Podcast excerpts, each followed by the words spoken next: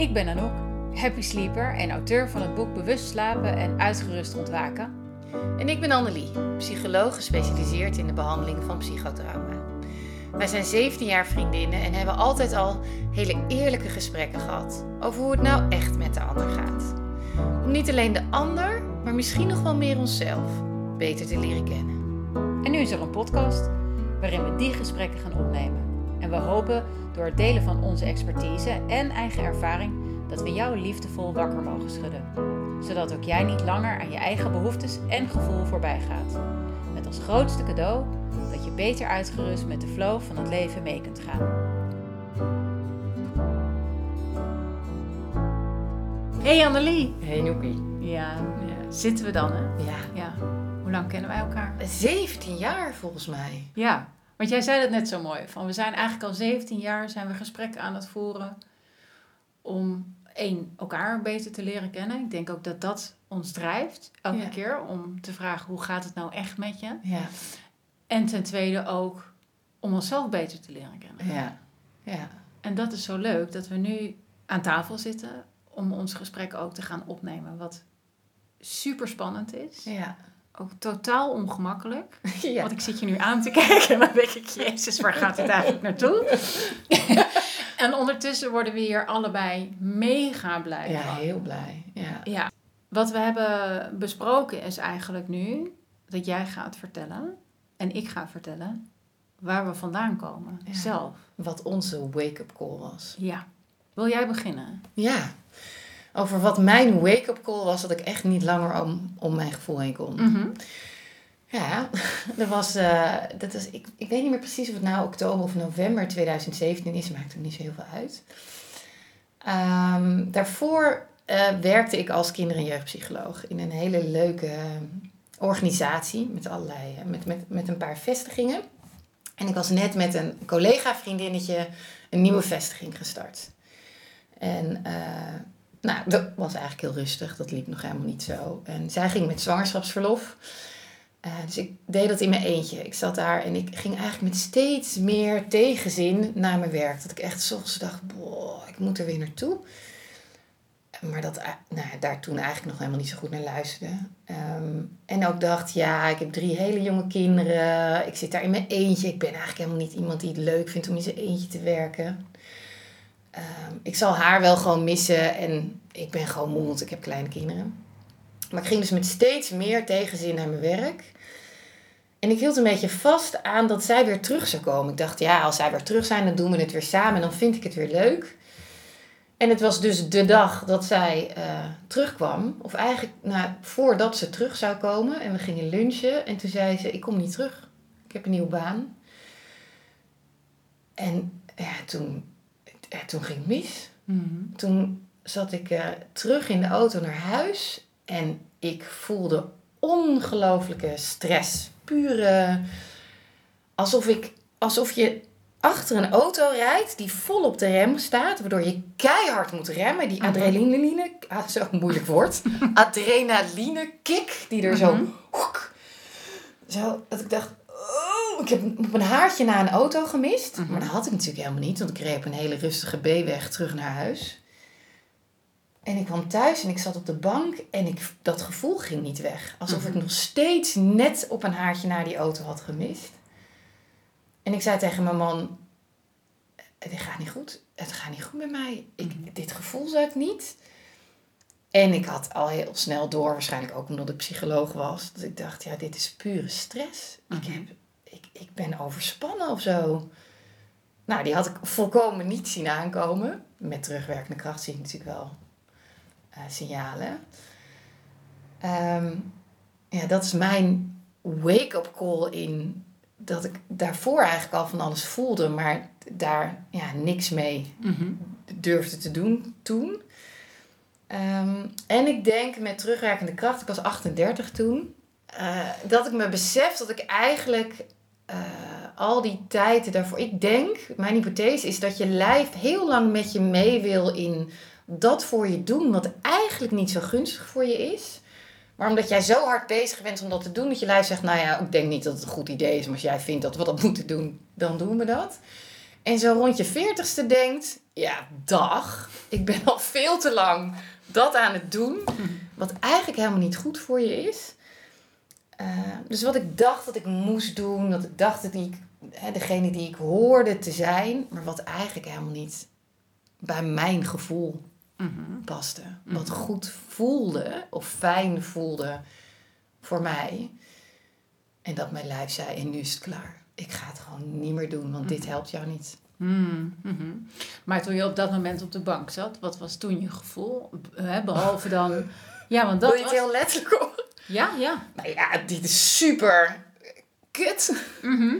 En, en paniek ook. Mhm. Dat ik dacht. En eh, eh, gevoel van. Ja, of ik dat diezelfde. Nou, misschien diezelfde avond ook wel het gevoel van falen. Ik, en, het, en niet weten wat te doen natuurlijk. Mhm. Wel weten, dit is overspannenheid. Maar, en, en, en, en nu dan? Ik, ik, ik kan niet werken. Ik voelde ook wel, ik wil niet werken, maar ik moet toch werken. Ik kan mijn cliënten niet in de steek laten. Ik stel mijn baas en mijn collega's ongelooflijk teleur. Ja, hoe dan? Hmm. Ja, nee, het was niet dat ik toen dacht, nou, ik ben overspannen, nu weet ik ook wel wat ik kan doen. Nee, nee, precies, precies. Maar dat, Ja. is, dat is denk ik de essentie van eh, dat je daarom op dat moment ook vroeg: oh, kak. Ja. Nou, nu moet ik iets anders. Ja, En, wat dat dan is en hoe je daar komt. Geen idee. Geen idee. Geen idee. Nee. Geen idee. Nee. Eh, en met terugwerkende kracht weet, hè, realiseer ik me nu dat mijn lijf zei tot hier en niet verder. Ik ga het Ja. gewoon niet meer doen, want dit Ja. helpt jou niet. Het is niet goed voor jou. Eh, maar ik dacht het wel goed te doen. Mhm. Mhm. Ja, grappig hè? Ja. Echt hoe je brein je gewoon eigenlijk een beetje voor de gek kan houden. ja, hoe je jezelf voor de Hoe je gek kan jezelf houden. dus voor de gek kan Ja. houden. En Ja. ook heel begrijpelijk hoor. Ik snap heel goed waarom ik dat zo op die manier deed. Ja, Eh, en ik ben heel blij dat ik heb mogen leren dat het ook anders kan. ja. Of nog steeds aan het leren ben eigenlijk. Mhm. Ja. Dus dat was mijn wake-up call. en die van jou. Intens hè? Ja. Eh, grappig eigenlijk dat jij dan ook zegt eh, de maand erbij hè? en het jaar. Ja. Ja, ik weet zelfs de datum nog. Oh, wauw. 16 april 2016. Dat was mijn wake-up call. En het was een zaterdagochtend. En ik was op dat moment werkzaam bij een, ehm, bij een mediabureau. En eh, daar zat ik in een managementfunctie. Ja, eigenlijk had jij het heel goed voor elkaar als we op papier keken. Ja. Weet ik nog toen dat ik dacht, jeetje, die Anouk man. ja. Ja. ja. ja. Ja, en dat dacht ik toen overigens ook van mezelf. Ik zat op dat moment in een functie. Ik had een uh, samengesteld, en nog steeds trouwens, een samengesteld gezin. Gelukkig. Gelukkig. Ja, uh, met een man die bijna 13 jaar ouder is. Uh, met drie al oudere kinderen ook toen ik ze al leerde kennen. Van toen uh, 8, 11 en 13. En vervolgens hebben we samen nog een kindje gekregen. Van nu dan 8. En, um, maar op dat moment zat ik in die functie, had ik eigenlijk een baby toen nog.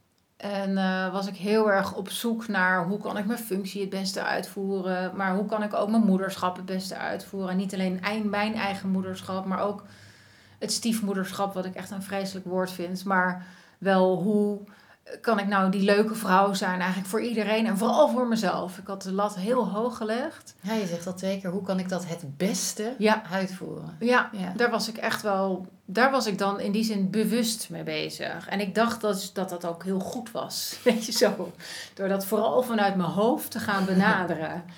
en um, dus die, op die zaterdagochtend uh, zat ik thuis en um, wat jij net ook omschreef is, ik had al heel lang het gevoel mijn hoofd wil me wel heel graag helpen, maar mijn lichaam hield me al wel ergens tegen. Ik sliep al heel lang niet goed. Ik had al vaker dat ik dacht, jemig, ik heb uh, ademtekort. Als ik hoorde over een buikademhalingsoefening, nou dan dacht ik, dan moet ik een buikademhalingsoefening doen. Maar vervolgens ging ik hyperventileren. En zat ik met echt letterlijk sterretjes voor mijn ogen, zat ik in de auto, omdat ik dacht dat ik iets goed moest doen. Terwijl je adem helemaal niet in je buik kwam. Nee, bij een lange na niet. Uh, überhaupt deed ik de oefening ook verkeerd, maar dat, dat is iets anders. dat wist ik toen natuurlijk ook niet. Ik hoorde alleen maar buikademhaling. En jij vond ook dat je ook nog eens als de beste moest kunnen ademhalen. Mm -hmm. Ja, joh, ik moest overal de beste in zijn. uh, nee, dus en, en die zaterdagochtend zat ik dus met enigszins ook wel een gevoel van teleurstelling zat ik achter de computer. Want waar was ik mee bezig? Het vullen van een babyboek. over de eerste drie jaar van Tijn. Oh. Onderwijl nog denkend van jeetje, waarom heb ik dit nou niet eerder gedaan? Dus mijn innerlijke criticus weet ik ook nog. Die was op dat moment ook nog gezellig aan het kletsen. En, ehm, maar ik zat dus achter de computer. En iedereen was er ook op dat moment. Alle jongens waren daar en zo. En Tijn was denk ik aan zijn middagslaap, geen idee. En ik voelde echt enorme tintelingen in mijn hele lijf. Echt letterlijk ook in mijn armen, in mijn schouders, in mijn nek, in mijn hoofd. En dat in mijn kaken, die stonden op spanning. En ik dacht, dit gaat niet goed, dit gaat niet goed. Volgens mij heb ik nu een hartaanval. Zie je, dit is Oh, een joh. hartaanval. Oh, bah. En, ehm, en vervolgens dacht ik, wacht, wacht, wat weet ik over een hartaanval? Wacht, nee, mijn moeder heeft dit gehad. Nee, ik ben er nog. Ik kan nog logisch nadenken. Eh, allemaal in een split second, hè. Maar ik weet dit nog zo goed. Ja. En daarna dacht ik letterlijk, het werd eh, zwart voor mijn ogen. En ik dacht, nou ga ik. Oh, nee. Ik riep Ar erbij. Ik zei, Ar, dit gaat niet goed. En hij zei, wat is er? Ik zei, ik voel me echt niet goed. En ik zakte een soort van weg. En mijn gedachte was nog wel, oh shit. Nou moet ik eraan toegeven. Ja, ik ben te ver gegaan. Ik ben echt te ver gegaan. En dat was mijn wake-up call Zo. naar ja, wat we nu weten eigenlijk naar een meer uitgeruster leven. maar daar was, ik, daar was ik nog lang niet. Want op dat moment eh, viel ik dus inderdaad, nou ik viel niet flauw, maar ik ging wel, ik, ja, ik voelde me helemaal slap worden. Hè, dat. Ja. Je hele lijf zei Mijn stop. hele lijf zei stop. En toen eh, zei ik ook tegen Gelukkig niet zo stop als waar jij, wat jij dacht, hè? Nee, Met nee, een nee. hartaanval. Maar Nee. ja. Nee, maar Ja. wel, maar wel zo, in zoverre dat ik ook niks meer kon. Ik voelde ook echt, alle energie was gewoon weg. En het enige wat ik kon was naar boven gaan, op mijn bed gaan liggen en huilen en slapen. En huilen en onderwel denkend. Ja, nu moet ik naar de huisarts en dan ga ik het daar bespreken. Dus wat jij in je eentje eigenlijk op de bank hebt gedaan, deed ik in mijn eentje in bed en dacht ik wel, eh, nu moet ik hulp gaan, vragen gaan vragen. En toen ben ik naar de huisarts gegaan, ja. En die zei, eh, toen vertelde ik dit, dit verhaal eigenlijk. En ik zei wel, het gaat niet zo goed met me. Ik moest ook heel veel huilen in dat Ja. gesprek. kon ook niet anders meer. En ik weet nog dat zij zei, Anouk, je gaat het niet zelf doen, geloof ik. Dus ehm, ik zeg bij deze, trek de stekker er even uit. Oh ja, dat ook, hè? Dat kan Ja. niet, denk je nog. Dat Nou, niet. ik dacht op dat moment wel, oké, wat zij zegt. Ja. En je denkt, en, oh, heel fijn. Want mijn huisarts Ja. zei hetzelfde. Ja, Na, nadat ik eerst dacht, ik kan dit allemaal wel zelf. ja. En dat Michiel, mijn man, zei, nadat ik voor de tweede keer eigenlijk niet zo heel goed op onze oudste dochter had gereageerd. Want je ontplofte. Ja, Ja, dat was, ja. En toen zei hij, en ja, hij had al een paar keer gezegd, ga nou naar de huisarts. Ja. Ik zei, ja, wat heeft de huisarts? Ik ben gewoon overspannen. Dan kan een huisarts mij toch niet. Maar ik bedoel, ik heb een huisarts hoog zitten. Maar dit zat tussen mijn oren, dacht ik toch. Dus dat kan die huisarts mij niet meer helpen. En die zei tegen mij, hoe zit het eigenlijk met je tweede fulltime baan? Zei nou, ik heb één parttime baan, zei ik. Nee, je tweede fulltime baan. Zei ik, nee, ik heb één parttime baan. Ik werk maar drie dagen in de week. Keek ze me zo aan. Je gezin. En ik echt. Ja. Hoe eh, makkelijk kan je daar vrij van nemen? Ja, niet. Nou, misschien heb je dan vrij te nemen van de baan waar je wel vrij kan nemen. Oh ja, Ja. ja. Ja. Ja, maar terug naar jou. Je zat bij de huisarts en die zei: Misschien moet jij de stekker eruit trekken. Ja, ja, ja, precies. Dus die, die gedachte was wel van, oh fijn, de beslissing wordt nu even voor me genomen. Want ik kon ook niks meer beslissen, merkte ik ook. Ik durfde het ook niet te beslissen. Vond ik heel spannend, omdat ik ook niet zo goed wist. En dan? Ja. Want ja, ik was toch onderdeel van het managementteam. En ik Mm. zag gewoon heel veel mensen, zag ik dat het niet zo goed met ze ging. En ik dacht toen alleen maar, dat gaat mij niet gebeuren. Want ik zie het bij anderen wel heel scherp hoor, waar het niet goed gaat. Maar mij- dat gaat mij niet gebeuren. Maar dat had ik als psycholoog helemaal niet. Nee, daarom. Dus dat, dat wordt nog leuk de komende gesprekken. Ehm, nee, en, en op dat moment dacht ik, oké, is goed. Ik ga bellen en dan ga ik gewoon zeggen dat het niet zo goed met me gaat. En dat ik ongeveer twee weken nodig heb om bij te komen. Dat was mijn plan. Ja. Ja. ja, heel even. Hè? Want als we gaan naar die huisarts, hè, die dan voor ons een keuze maakt, dan hadden wij Ja. denk ik allebei toen we daar zaten dat we opluchting voelden. Dat iemand Ja. zei: het hoeft niet meer. Hè? Ja, dus dat je dacht, oh fijn. ja. En vervolgens, tenminste wat bij mij gaat, en bij jou ook, gaat ons hoofd weer aan en die vindt daar dan wat van. Hè? Ja. Dat kan niet. Ik kan niet mijn managementteam in de steek laten. Ik kon niet. Dus dan wordt het weer spannend. Hè? Terwijl je gevoel heel duidelijk zegt: ja, dat mag ik doen. Ik moet Ja, voor ja, ja. mezelf gaan zorgen. Ja, en ik voelde ook heel, de, precies wat jij nu uitbeeldt, maar wat luisteraars niet zien. En misschien hoorde je mij wel net zuchten. Ik voelde ook echt een soort van, ergens een, al een last van mijn schouders afgaan. Omdat iemand anders even die beslissing voor me nam. En zij zei toen ook heel mooi van, eh, ja, en ook weet je, in een fabriek hè, die lopende band die gaat wel door hoor. Daar hoef jij nu niet aan te staan. Je hebt allemaal collega's die even allemaal dingen van jou gaan overnemen. En dat voelt niet fijn, want je voelt je daar ook verantwoordelijk voor. Maar het gaat wel gebeuren. Ja. Dus dat komt wel goed. Dus Ja. dit is even niet jou. Jij bent nu jouw eigen verantwoordelijkheid. En daar komen we mooi eigenlijk op die. Durf je die 100% verantwoordelijkheid te nemen voor jezelf. Zonder dat je weet wat de volgende stap Ja, gaat zijn. Of zonder dat je weet hoe je dat moet doen. ja, of wat er zonder rekening te houden met de consequenties die jij denkt dat het voor een ander heeft. Ja, en ook echt voor mezelf te gaan. Ja. En dus ook zonder rekening te houden met Ja. de omgeving. En dat vond ik eigenlijk nog het aller, allermoeilijkste. Met wat jij ook zei, natuurlijk je, je andere fulltime baan. Dus je gezin, dat vond ik ook heel lastig. Want ja, ik, ik was daar toch zelf onderdeel van. Dat was ook mijn verantwoordelijkheid. Dat. Ja, en ik kwam thuis te zitten en die twee weken werd voor mij ruim een jaar. Ja. En eh, waarbij ik eerst nog wel ook naar de buitenwereld zei, eh, heel eh, opgelucht reageerde over mezelf. Hè? Nou ja, opgelucht is misschien niet het goede woord, maar wel met een soort van zekerheid. Ook wel tegen andere mensen kon zeggen van nee, nee, ik zit gewoon even thuis, want ik heb even wat rust nodig. Ja, ik heb even wat rust nodig. En dan over twee weken gaat het wel weer. Ook naar mijn collega's toe. Dat heb ik achteraf bezien natuurlijk ook heel slecht gemanaged. Maar ja, dat weet je allemaal achteraf. En je Ja. doet op dat moment wat je denkt dat Ja, Klopt. ook weer omdat je vindt, oké, ik neem nu even tijd, maar ik moet zo snel. zo snel mogelijk. Ja. Ik wil niemand extra belasten. ja.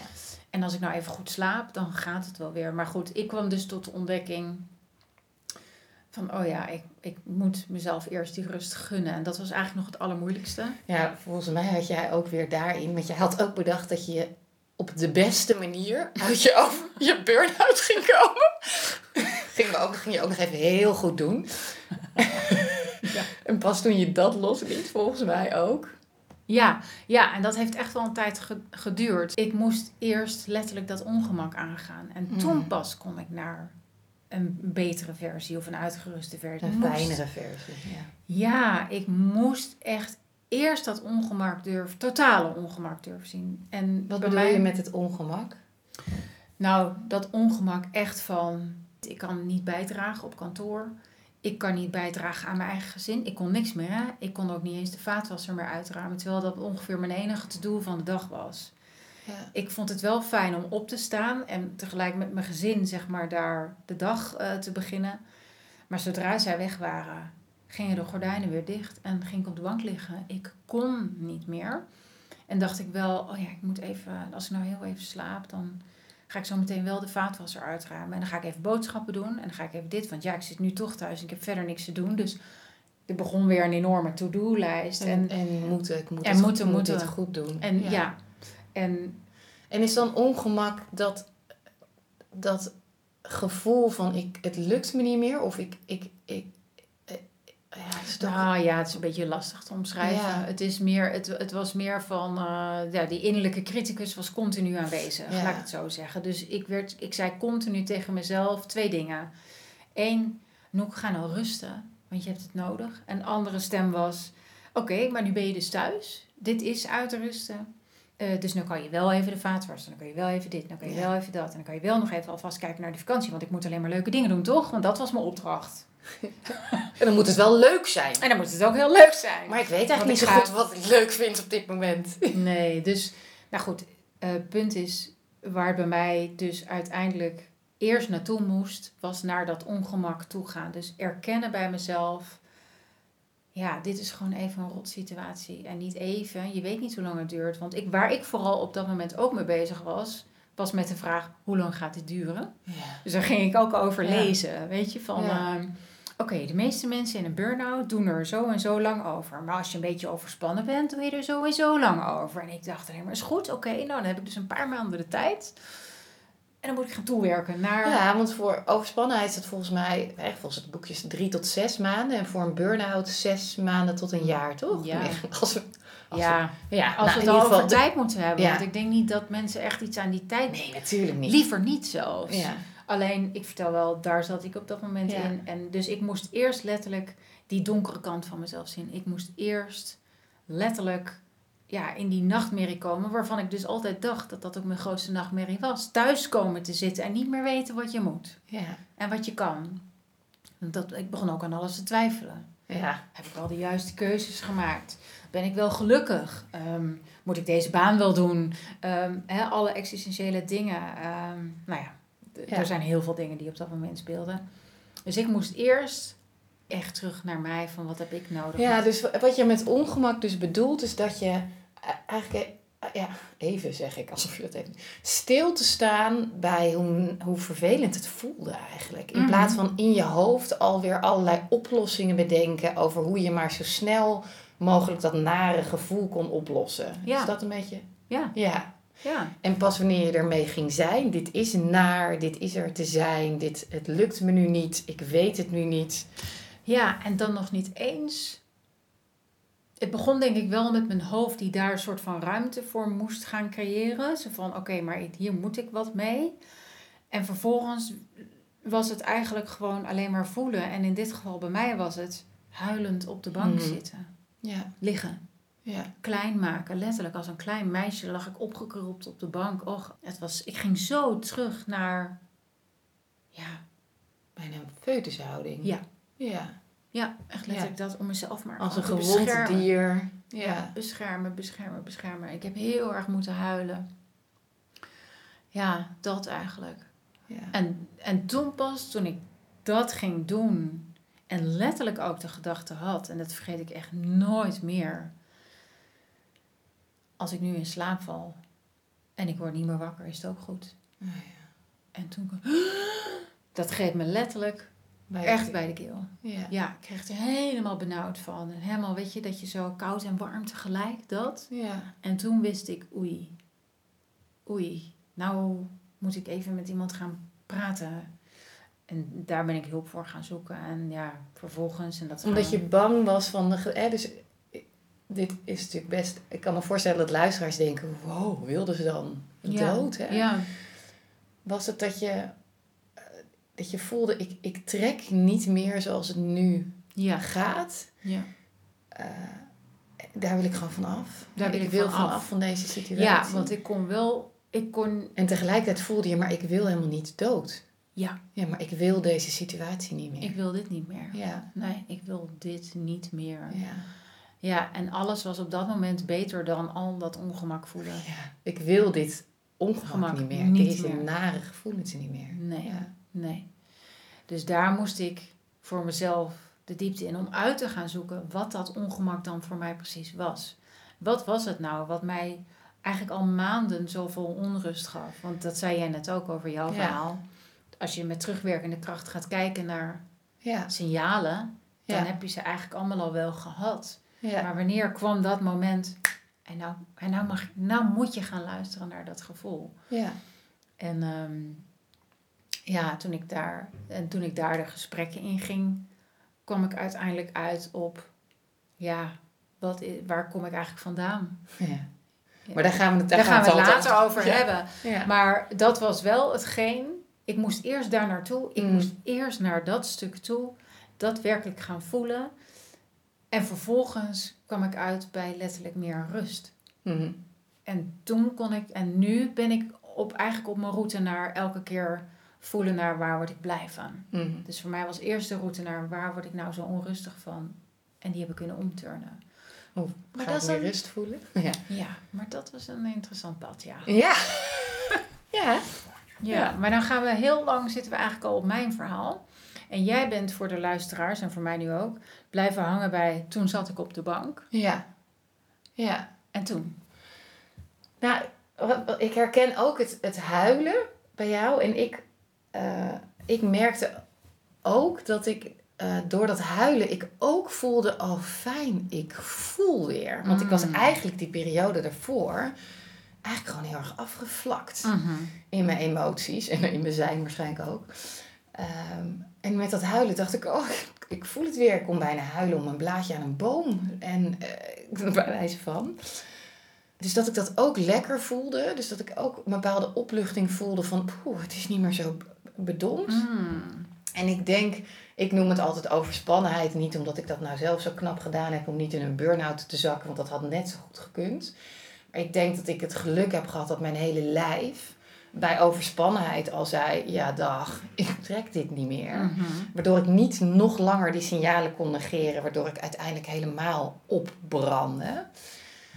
Eh, dus dat is één. Ik voelde ook heel erg oh, een toestemming in. Ik kan niet meer op deze manier. Het moet dus anders. En ik mag dus Mm. anders. Alsof ik een of andere vrijbrief moest krijgen. En ik mag het nu anders doen. Ik mag andere keuzes maken. Ik mag. Ja? Ja, nou kwam dat, dat mogen. Ja. Waar kwam dat dan door? dat ik voelde dat ik mocht kiezen. Nou ja, wat ik dus merkte, of wat ik geleerd heb, is dat ik ehm, ja, eigenlijk heel veel keuzes niet durfde te maken, omdat ik bang was dat ik daar de, een ander mee zou kunnen teleurstellen of zo. Of, Mhm. of dat, dat, dat je dat toch niet zomaar mag doen. Ik, ik heb heel bewust in mijn werk gekozen om. eh, ja, eigenlijk probeer ik heel erg te. Eigenlijk vooral alleen maar te doen wat ik leuk vind. Mhm. Nou, daar vindt mijn kritische kant heel erg wat van. Mhm. Je kan ze niet zomaar alleen doen wat je leuk vindt. Het leven kan niet alleen maar leuk zijn. nou, dat ben ik helemaal eens met die kant. Maar ja, het leven brengt al genoeg ingewikkelde dingen Mhm. op je pad. Dan moet je vooral zelf het nog extra niet leuk Ingewikkeld maken. maken. Ja. Blijft voor mij nog steeds een ingewikkelde ja. eh, iets. Hè? Hoe, hoe zorg ik er nou voor dat het, ja, dat het, leuk, het leuk mag zijn? En met leuk bedoel ik niet dat het. eh, nou ja, daar bedoel ik eigenlijk mee dat, dat, dat ik er een blij gevoel van krijg. Mhm. Dus Dat betekent dus dat je heel bewust heel goed naar je lichaam kunt gaan luisteren naar wat jij wel leuk vindt. Ja, wat jij, wat, ja precies. En ik noem Wat het dan plezier- leuk, hè? Ja, of wat je plezier Ja, wat goed voor jou voelt. Punt. Ja. Hè? En, ik, Ja. en eh, Ja, dat is dat het. is het. En, Ja. en wat betekent dat nou, dat het goed voor je voelt? Ja. En, en nou ja, hoe ik dat noem is dat je, dat je stilstaat bij wat is nou eigenlijk jouw behoefte. Ja. En dat je die behoefte heel serieus Mhm. hebt te nemen en Mhm. mag Mhm. nemen. Eh, en dat je daar... Hè, en, en vervolgens die criticus die aangaat... Ja, maar die, die- die- jouw behoefte doet er niet zo toe. Mhm. Nou ja, Ja. Hoe, hoe ga je daar nou... Hoe vind je daar nou een weg Ja. in? Ja. Jeetje, we kunnen eigenlijk nog een uur gaan Ja. doorpraten hierover. Ja, ja, Ja. omdat natuurlijk ons, ons gesprek heeft al in de realiteit de neiging om van links naar rechts, van boven naar beneden te gaan. Maar dat komt ook omdat alles met elkaar samenhangt. hè? ja. Dus aan onze taak, de schone taak, om hier een soort van structuur in te brengen, Ja. zodat het voor luisteraars nog steeds te volgen is. Dus ik denk ook dat we nu moeten stoppen. We hebben Ja. ons verhaal gedeeld om, en, en verteld waar we zelf vandaan komen, wat in ieder geval onze echte wake-up call was. ja. En eh, dan gaan we in onze volgende gesprekken, onze eerlijke gesprekken, gaan we delen hoe we trouw blijven aan onszelf. En hoe moeilijk dat is. En hoe moeilijk dat is. En hoe Ja. kun je nou inderdaad die 100% verantwoordelijkheid nemen. Ja. Ja, Ja. dat is het hè. Ja? Oké, ik heb zin in de volgende aflevering. Ik Want nu zijn we op stoom. Alright. Nou, bedankt voor het luisteren en ehm, tot de volgende wake-up call. Ja.